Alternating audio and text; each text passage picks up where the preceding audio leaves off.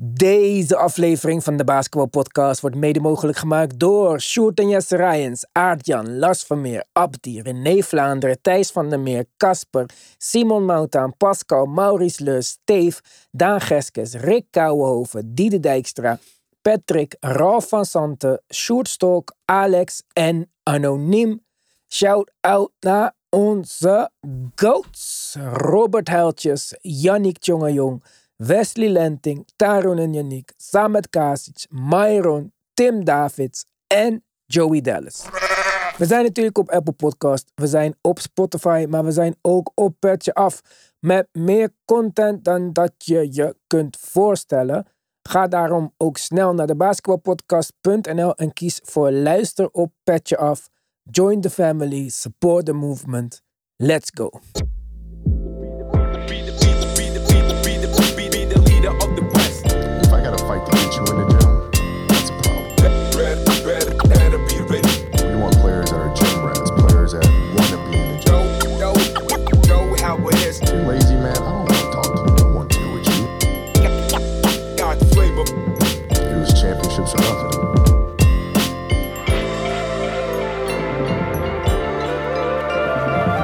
Jawel, daar zijn we weer.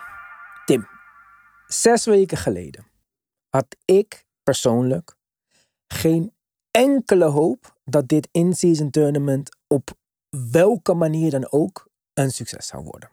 Ja. Nu ben ik ook, stoot mijn microfoon van enthousiasme. Nu ben ik al eh zover dat ik denk van, hey, waarom niet nog een in-season tournament in februari? Fuck de All-Star Game en dan laten we de twee winnaars tegen elkaar spelen voor een bye in de first round van de playoffs. Hartstikke idee, ja. ja. Ik, ben, ik ben all in. Ik denk Ja. dat het tot nu toe een groot succes is. Ik denk dat er voor sommige teams als jouw Pacers, waar er naar mijn informatie 10 spelers onder contract staan die 10 miljoen dollar bruto of minder per jaar verdienen, eh, een financieel aspect wel een incentive is om harder te spelen. Ik, ik weet niet hoe de beleving is voor de onpartijdige fan. Maar ik denk dat de fans van de teams die nog in het, die nog in het in-season tournament zijn, wel een bovengemiddelde spanning en excitement hebben kunnen ervaren bij deze in-season wedstrijden. Ik ga Ja. dat nu als onpartijdige eh, ook ervaren, want eh, mijn Knicks zijn eruit. Eh, die begonnen goed, gedisciplineerd, offensively en defensively. Bijna perfecte eerste helft van Julius Randle. De wedstrijd op zich was al een groot contrast met de andere kraker in het oosten tussen de Pacers en de Celtics. Wat natuurlijk run and gun on steroids is. En Ja. eh, zelfs in deze wedstrijd speelde de Knicks nog sneller dan normaal. Maar dit is een slower tempo basketbal in de eerste helft vooral. Eh, op de zweefduik van Damian Lillard na, waar we het nog wel over gaan hebben, is dit basketbal naar mijn smaak. Veel meer dan eh, die, die andere waar we ook op komen. Maar ik wil niet eh, beginnen met mijn hater, eh hater-rater. Dus ehm, ja, voor iedereen is er in ieder geval wat in het in-season tournament. En zoals eh, vaker begonnen de Knicks wat slordig aan de tweede helft. Maar ja, vanuit een Knicks perspectief gezien kan ik dingen aanwijzen die beter kunnen. Maar we moeten ook complimenten maken aan de Bucks. Anders zou ik ja, die ook tekort doen, denk ik. Want die hebben het seizoen eh, niet, eh, die zijn niet echt eh, rennend uit de startblokken gekomen. Eh, hadden wat moeite met chemistry misschien hier en daar aanpassen aan een nieuwe coach, nieuwe spelers bij elkaar. Maar doen het toch erg goed eh, de laatste tijd. Beginnen meer op die juggernaut te lijken die we hadden verwacht met twee top 75 spelers of all time. En eh, ze hebben de Knicks eh, vooral in de tweede helft van het veld geblazen. In de vorige ontmoeting hadden ze ze al eh, ehm, met 30 punten van drie eh, eh, verschil om, eh, uit het, van het veld geschoten. Nou, in deze wedstrijd was het een 40 plus verschil van drie. Ehm, dit is een, een team, denk ik, waar je rekening mee moet gaan houden. En wat de Knicks betreft, om het even positief te beëindigen. Ik, ik denk dat dit een goede afspiegeling is van waar de Knicks nu zijn. En waar jouw lamp eerder uitviel, valt er nu bij mij eentje uit. Het zal ook nooit allebei tegelijk goed gaan. maar eh, het is mijn achtergrond, gelukkig. Nou. Ehm, ik denk dat dit een goede afspiegeling was van niks basketbal voor de algemene fan die daar niet al te vaak mee in contact is gekomen. En dan op national TV. Eh, de Knicks zijn daar natuurlijk wel vaker dan bijvoorbeeld de Pacers die maar voor Ja. de tweede keer op eh, national TV waren. De eerste keer volgens mij op TNT. Dus eh, ja, ik denk al met al op de uitslag na ehm, een win-win eh, voor eh, iedereen in deze wedstrijd. Bucks zijn verder Ja. dan dat ze moeten zijn. Niks hebben laten zien waar ze voor staan. En ja, Ja, want zo klinkt het natuurlijk wel leuk. Aan de andere kant, is dit dan wat de krachtsverhouding tussen deze beide teams nu is? En misschien ook wel blijft? Hebben we er niks dan gezien in, nou ja, wat het misschien wel is dit seizoen? Ehm, kijk, dit is een één game iets tegen ehm, mijn top 2 team in het oosten. Een top Ja. 2 team van mij in het oosten. Eh, en niet in een 7 game serie. Denk ik dat ze in een 7 game serie meer kunnen doen. Dat niet, het, niet de tegenstander de hele tijd zo hot kan zijn. Jazeker, dus denk ik dat dit is wat ze is. Niet helemaal. Maar zijn ze op het tier van de top in de NBA? Nee. Maar daar hebben we het al uitgebreid over gehad. Dat zijn ze niet. Dat worden ze ook niet. Omdat er simpelweg, Kenny zei het ook volgens mij, tien Ja. jaar, ze hebben een ster nodig. Nee, ze hebben twee sterren. Zij hebben een superster nodig. Als ze de volgende stap willen maken. Er is simpelweg geen contender in de NBA zonder superster. Sterker nog, de meesten hebben twee supersterren. Daarom treden de Bucks voor Dame. Ja, hij, hij zei het inderdaad, hij omschreef het heel mooi.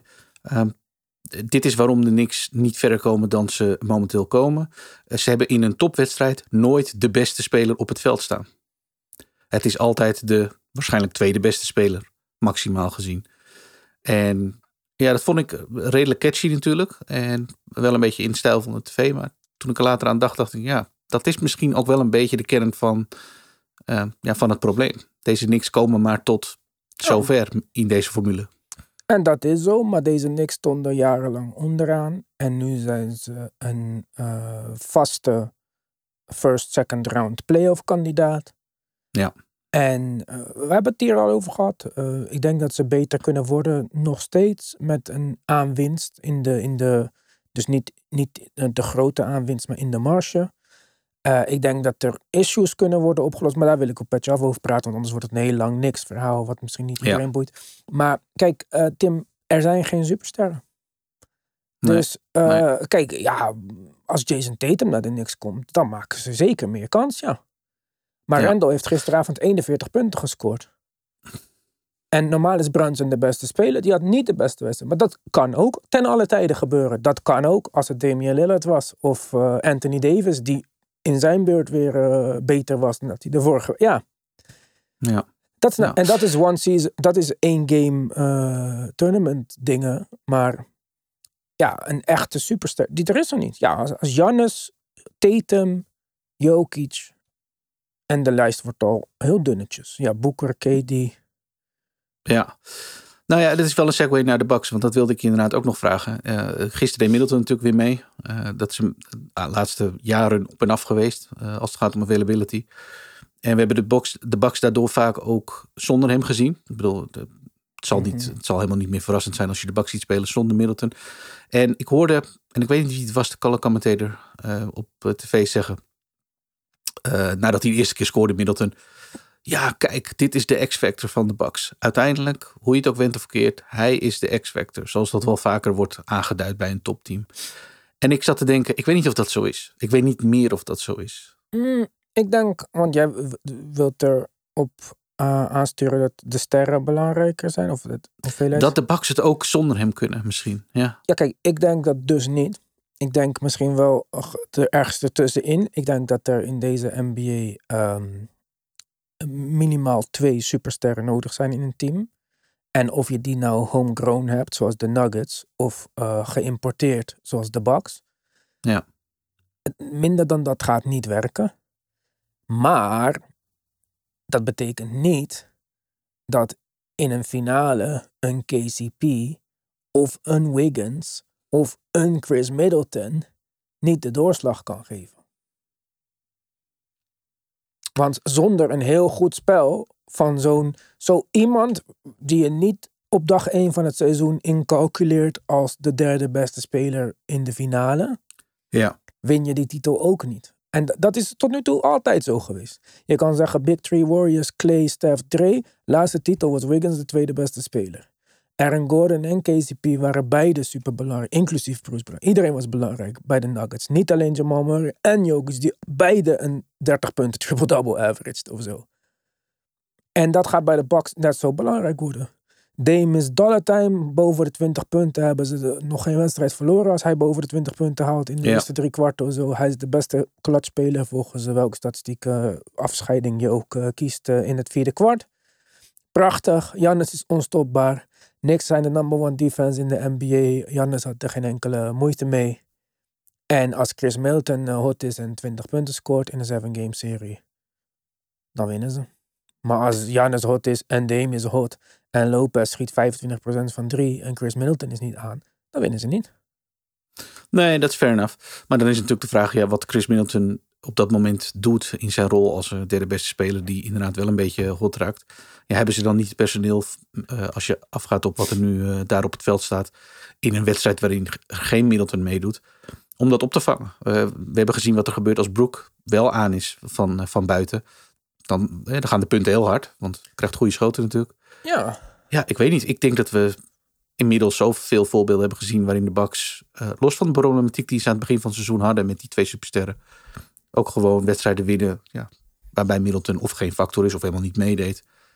En dat nu toevallig op het juiste moment wel deed. Ik denk, ja, misschien is er ook wel gewoon een Bucks team dat, eh, en ik zeg niet meteen titelkandidaat, maar gewoon ook ver kan komen zonder dat Middleton daarin, ja maar, eh, laten we zeggen, de boel maakt of breekt. maar dat is dan misschien ook eh, een verschillende definitie van X-factor.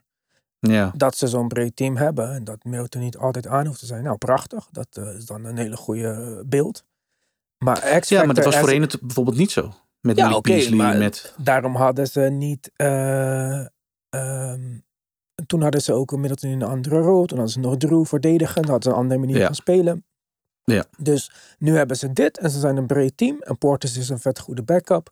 Maar als X-factor, als Middleton 20 punten kan scoren buiten iedereen om, dan zijn ze gewoon nummer 1 Ja. challenger voor de title naar de Nuggets. En dat is eh, dan de X-factor. En zonder hem Ja. Zijn ze nog steeds een contender. Maar niet misschien eh, op dat level. Nou, dat is waarschijnlijk inderdaad wat, eh, eh, wat de waarheid is. Ja, ligt er tussenin. Denk. Klopt. Maar, Ja. dat gezegd hebbende allemaal, jij werd wakker. Je ging Ja. neem ik aan slapen met het idee van, het zal wel niet. Eh, ja, ik had wel, eh, nou niet per se een hard hoofd in, maar wel van, eh, dit, het kan niet veel moeilijker dan dit. Met Ja. de laatste wedstrijd tegen de Celtics in het achterhoofd. Ja, Ja. Net historische blow- blowout gehad en nu Ja. voor het in-season tournament. En dan word je wakker en dan ga jij dus je telefoon aanzetten. Of Ja. misschien had je al op je lockscreen een bericht staan. Eh, ja, zoveel dat ik dat niet meteen zie. Maar inderdaad, ik ga naar de NBA-app en ik zie die stand. En ik denk, wauw, ze hebben het gewoon gedaan. En dan, Iedereen wakker ik- geschreeuwd in huis of eh, eh, ja, dan word ik, nou... kinderen met snickers naar school in plaats van boterhammen, want eh, het is ja, feest. ja, ja, ja. Ja, nou, het was wel eh ex- excited, ja. Ik werd er wel, eh, ik was enorm, meteen enorm benieuwd naar wat er allemaal gebeurd was. Dus dat ben ik dan voornamelijk aan het consumeren op zo'n moment, ja. De- Kijken naar wat gebeurde er in de slotfase. Wat, eh, dus ik heb meteen de slotfase van die wedstrijd aangezet ook. Eh, het is ook niet iets wat ik meteen standaard 's ochtends doe als ik net wakker ben. Maar nu wel, ik wil het per se zien. En vervolgens eh, social media alle berichten tot je nemen. Eh, ja, machtig.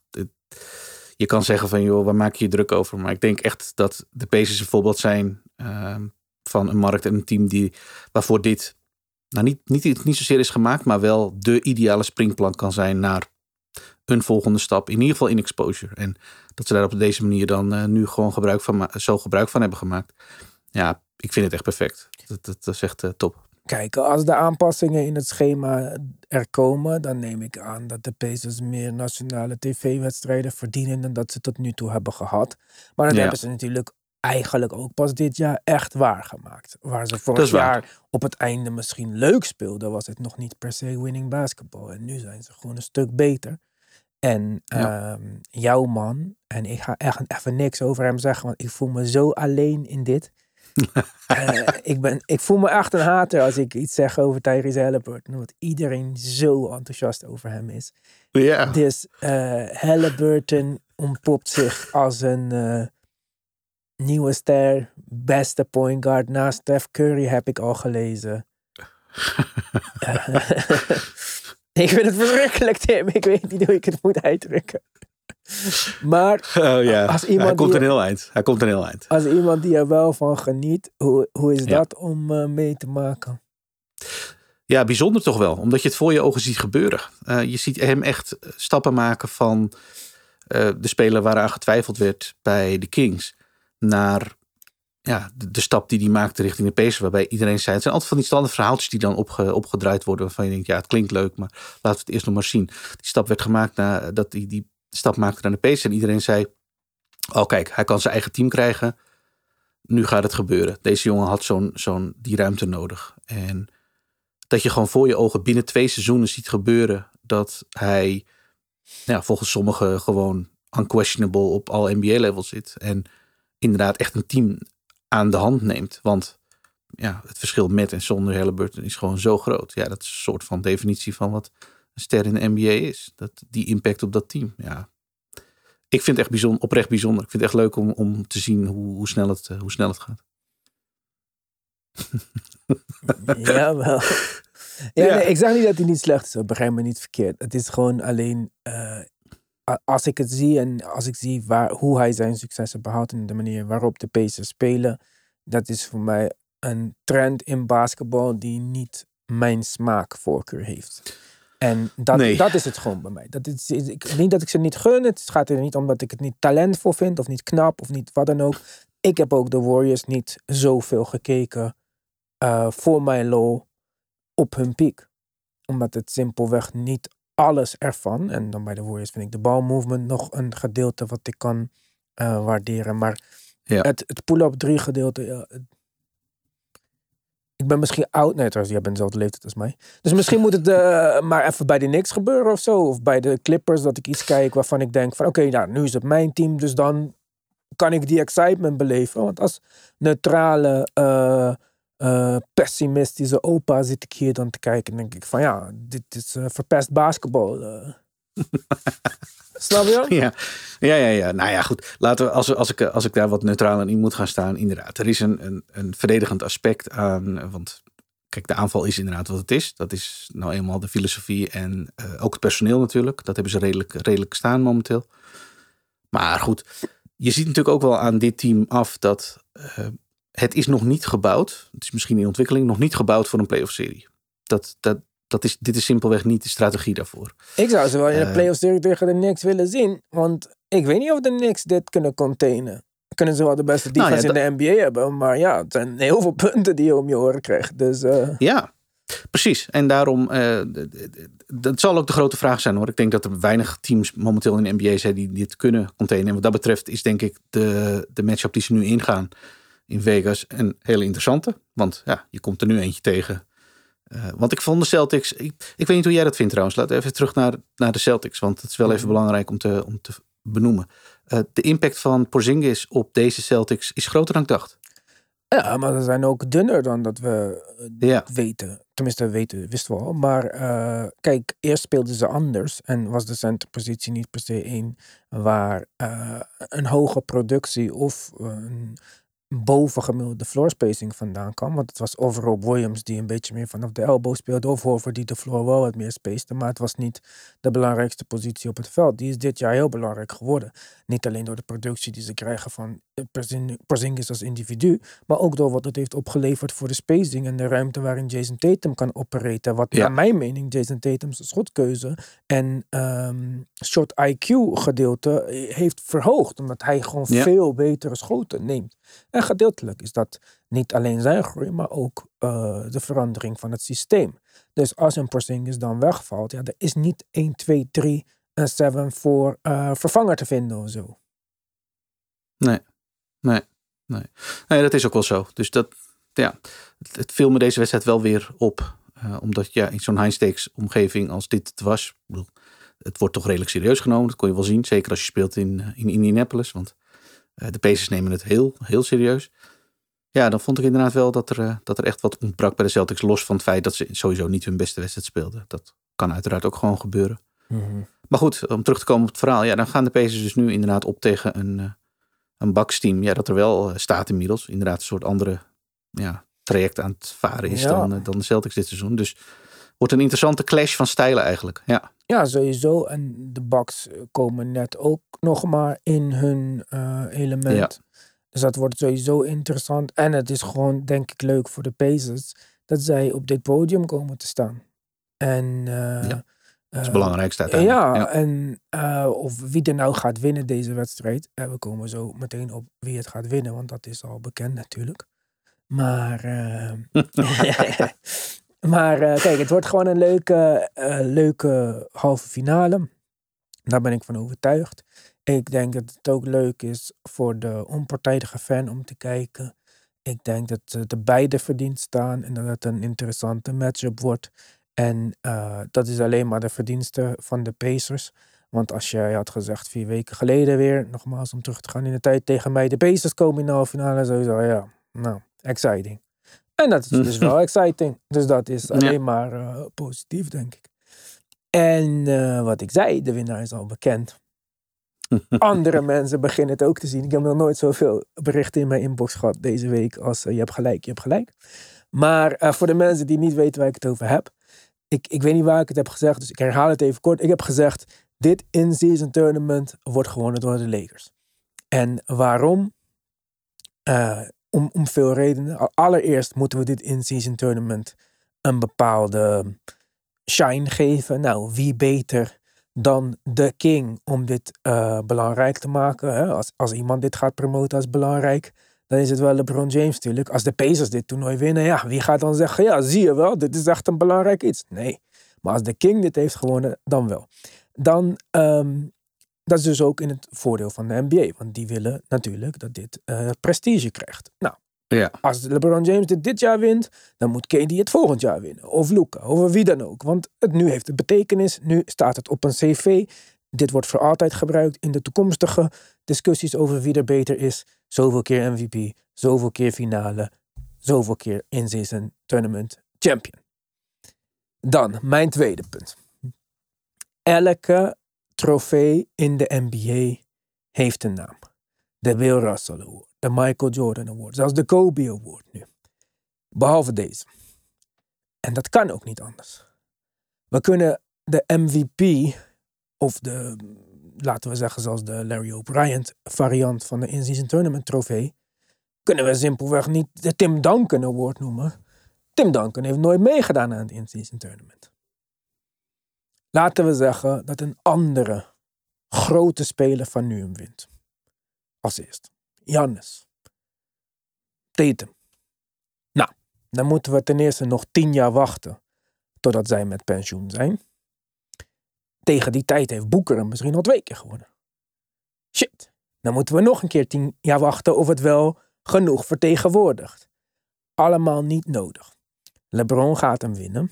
LeBron is arguably de meest legendarische speler die nu nog in de NBA speelt. Tenminste, dat is niet Mhm. arguably, dat is zo. Dat, Dat is zo, Zelfs eh, haters moeten dit toegeven. Daarbij komt dan ook nog eens dat hij van de hele top 10 aan meest legendarische spelers die op dit moment actief zijn, vrij zeker de eerste wordt die met pensioen gaat. En als hij het dan als eerste heeft gewonnen, hoeven we ook niet meer te wachten of iemand anders het nog een keer gaat doen. Dit wordt gewoon de LeBron James Award, de MVP van het in-season tournament. En dit is de makkelijkste weg om het zoveel mogelijk glamour as possible te geven. KD is het met me eens. Want in de Ja. slotfase van de wedstrijd, Boeker, iedereen eh, ziet het. En ik zeg niet, ik wil hier niet full tinfoil hat gaan en zeggen dit is hoe de NBA het heeft gescript en hoe ze het zeker gaan uitvoeren. Want hè, als Anthony Davis gisteren een off-night had gehad, waren ze niet eens in die positie gekomen. De Lakers zullen het zelf moeten doen. Maar in elk redelijk denkende brein zullen mensen begrijpen dat het ja, mooi toeval zou zijn als het zo uitpakt. En dat daar mogelijk op beslissende momenten een klein beetje wordt geholpen waar dat kan. Dat zou ik ook, als ik de president was van zo'n grote coöperatie, waar heel veel geld op het spel staat, goedkeuren. Dus, Ja. wij gaan verder praten op Petje Af. We doen het even anders deze week. Eh, donderdag is de fina eh, halve finale. Vrijdag, eh, zaterdag, jongen, jongen. Zaterdag is de finale. Dan zijn wij er zondag weer, want die turnaround is te kort. Dan kun je de podcast niet eens luisteren tegen de tijd dat wij hem uit hebben. Dan gaan we alles over het in-season tournament bespreken. We gaan nu verder op Petje Af, want we hebben nog een hoop te bespreken. Ehm, ik zie de mensen die geen petje af hebben zondag weer. En eh, voor de rest, naar petje af. Oké.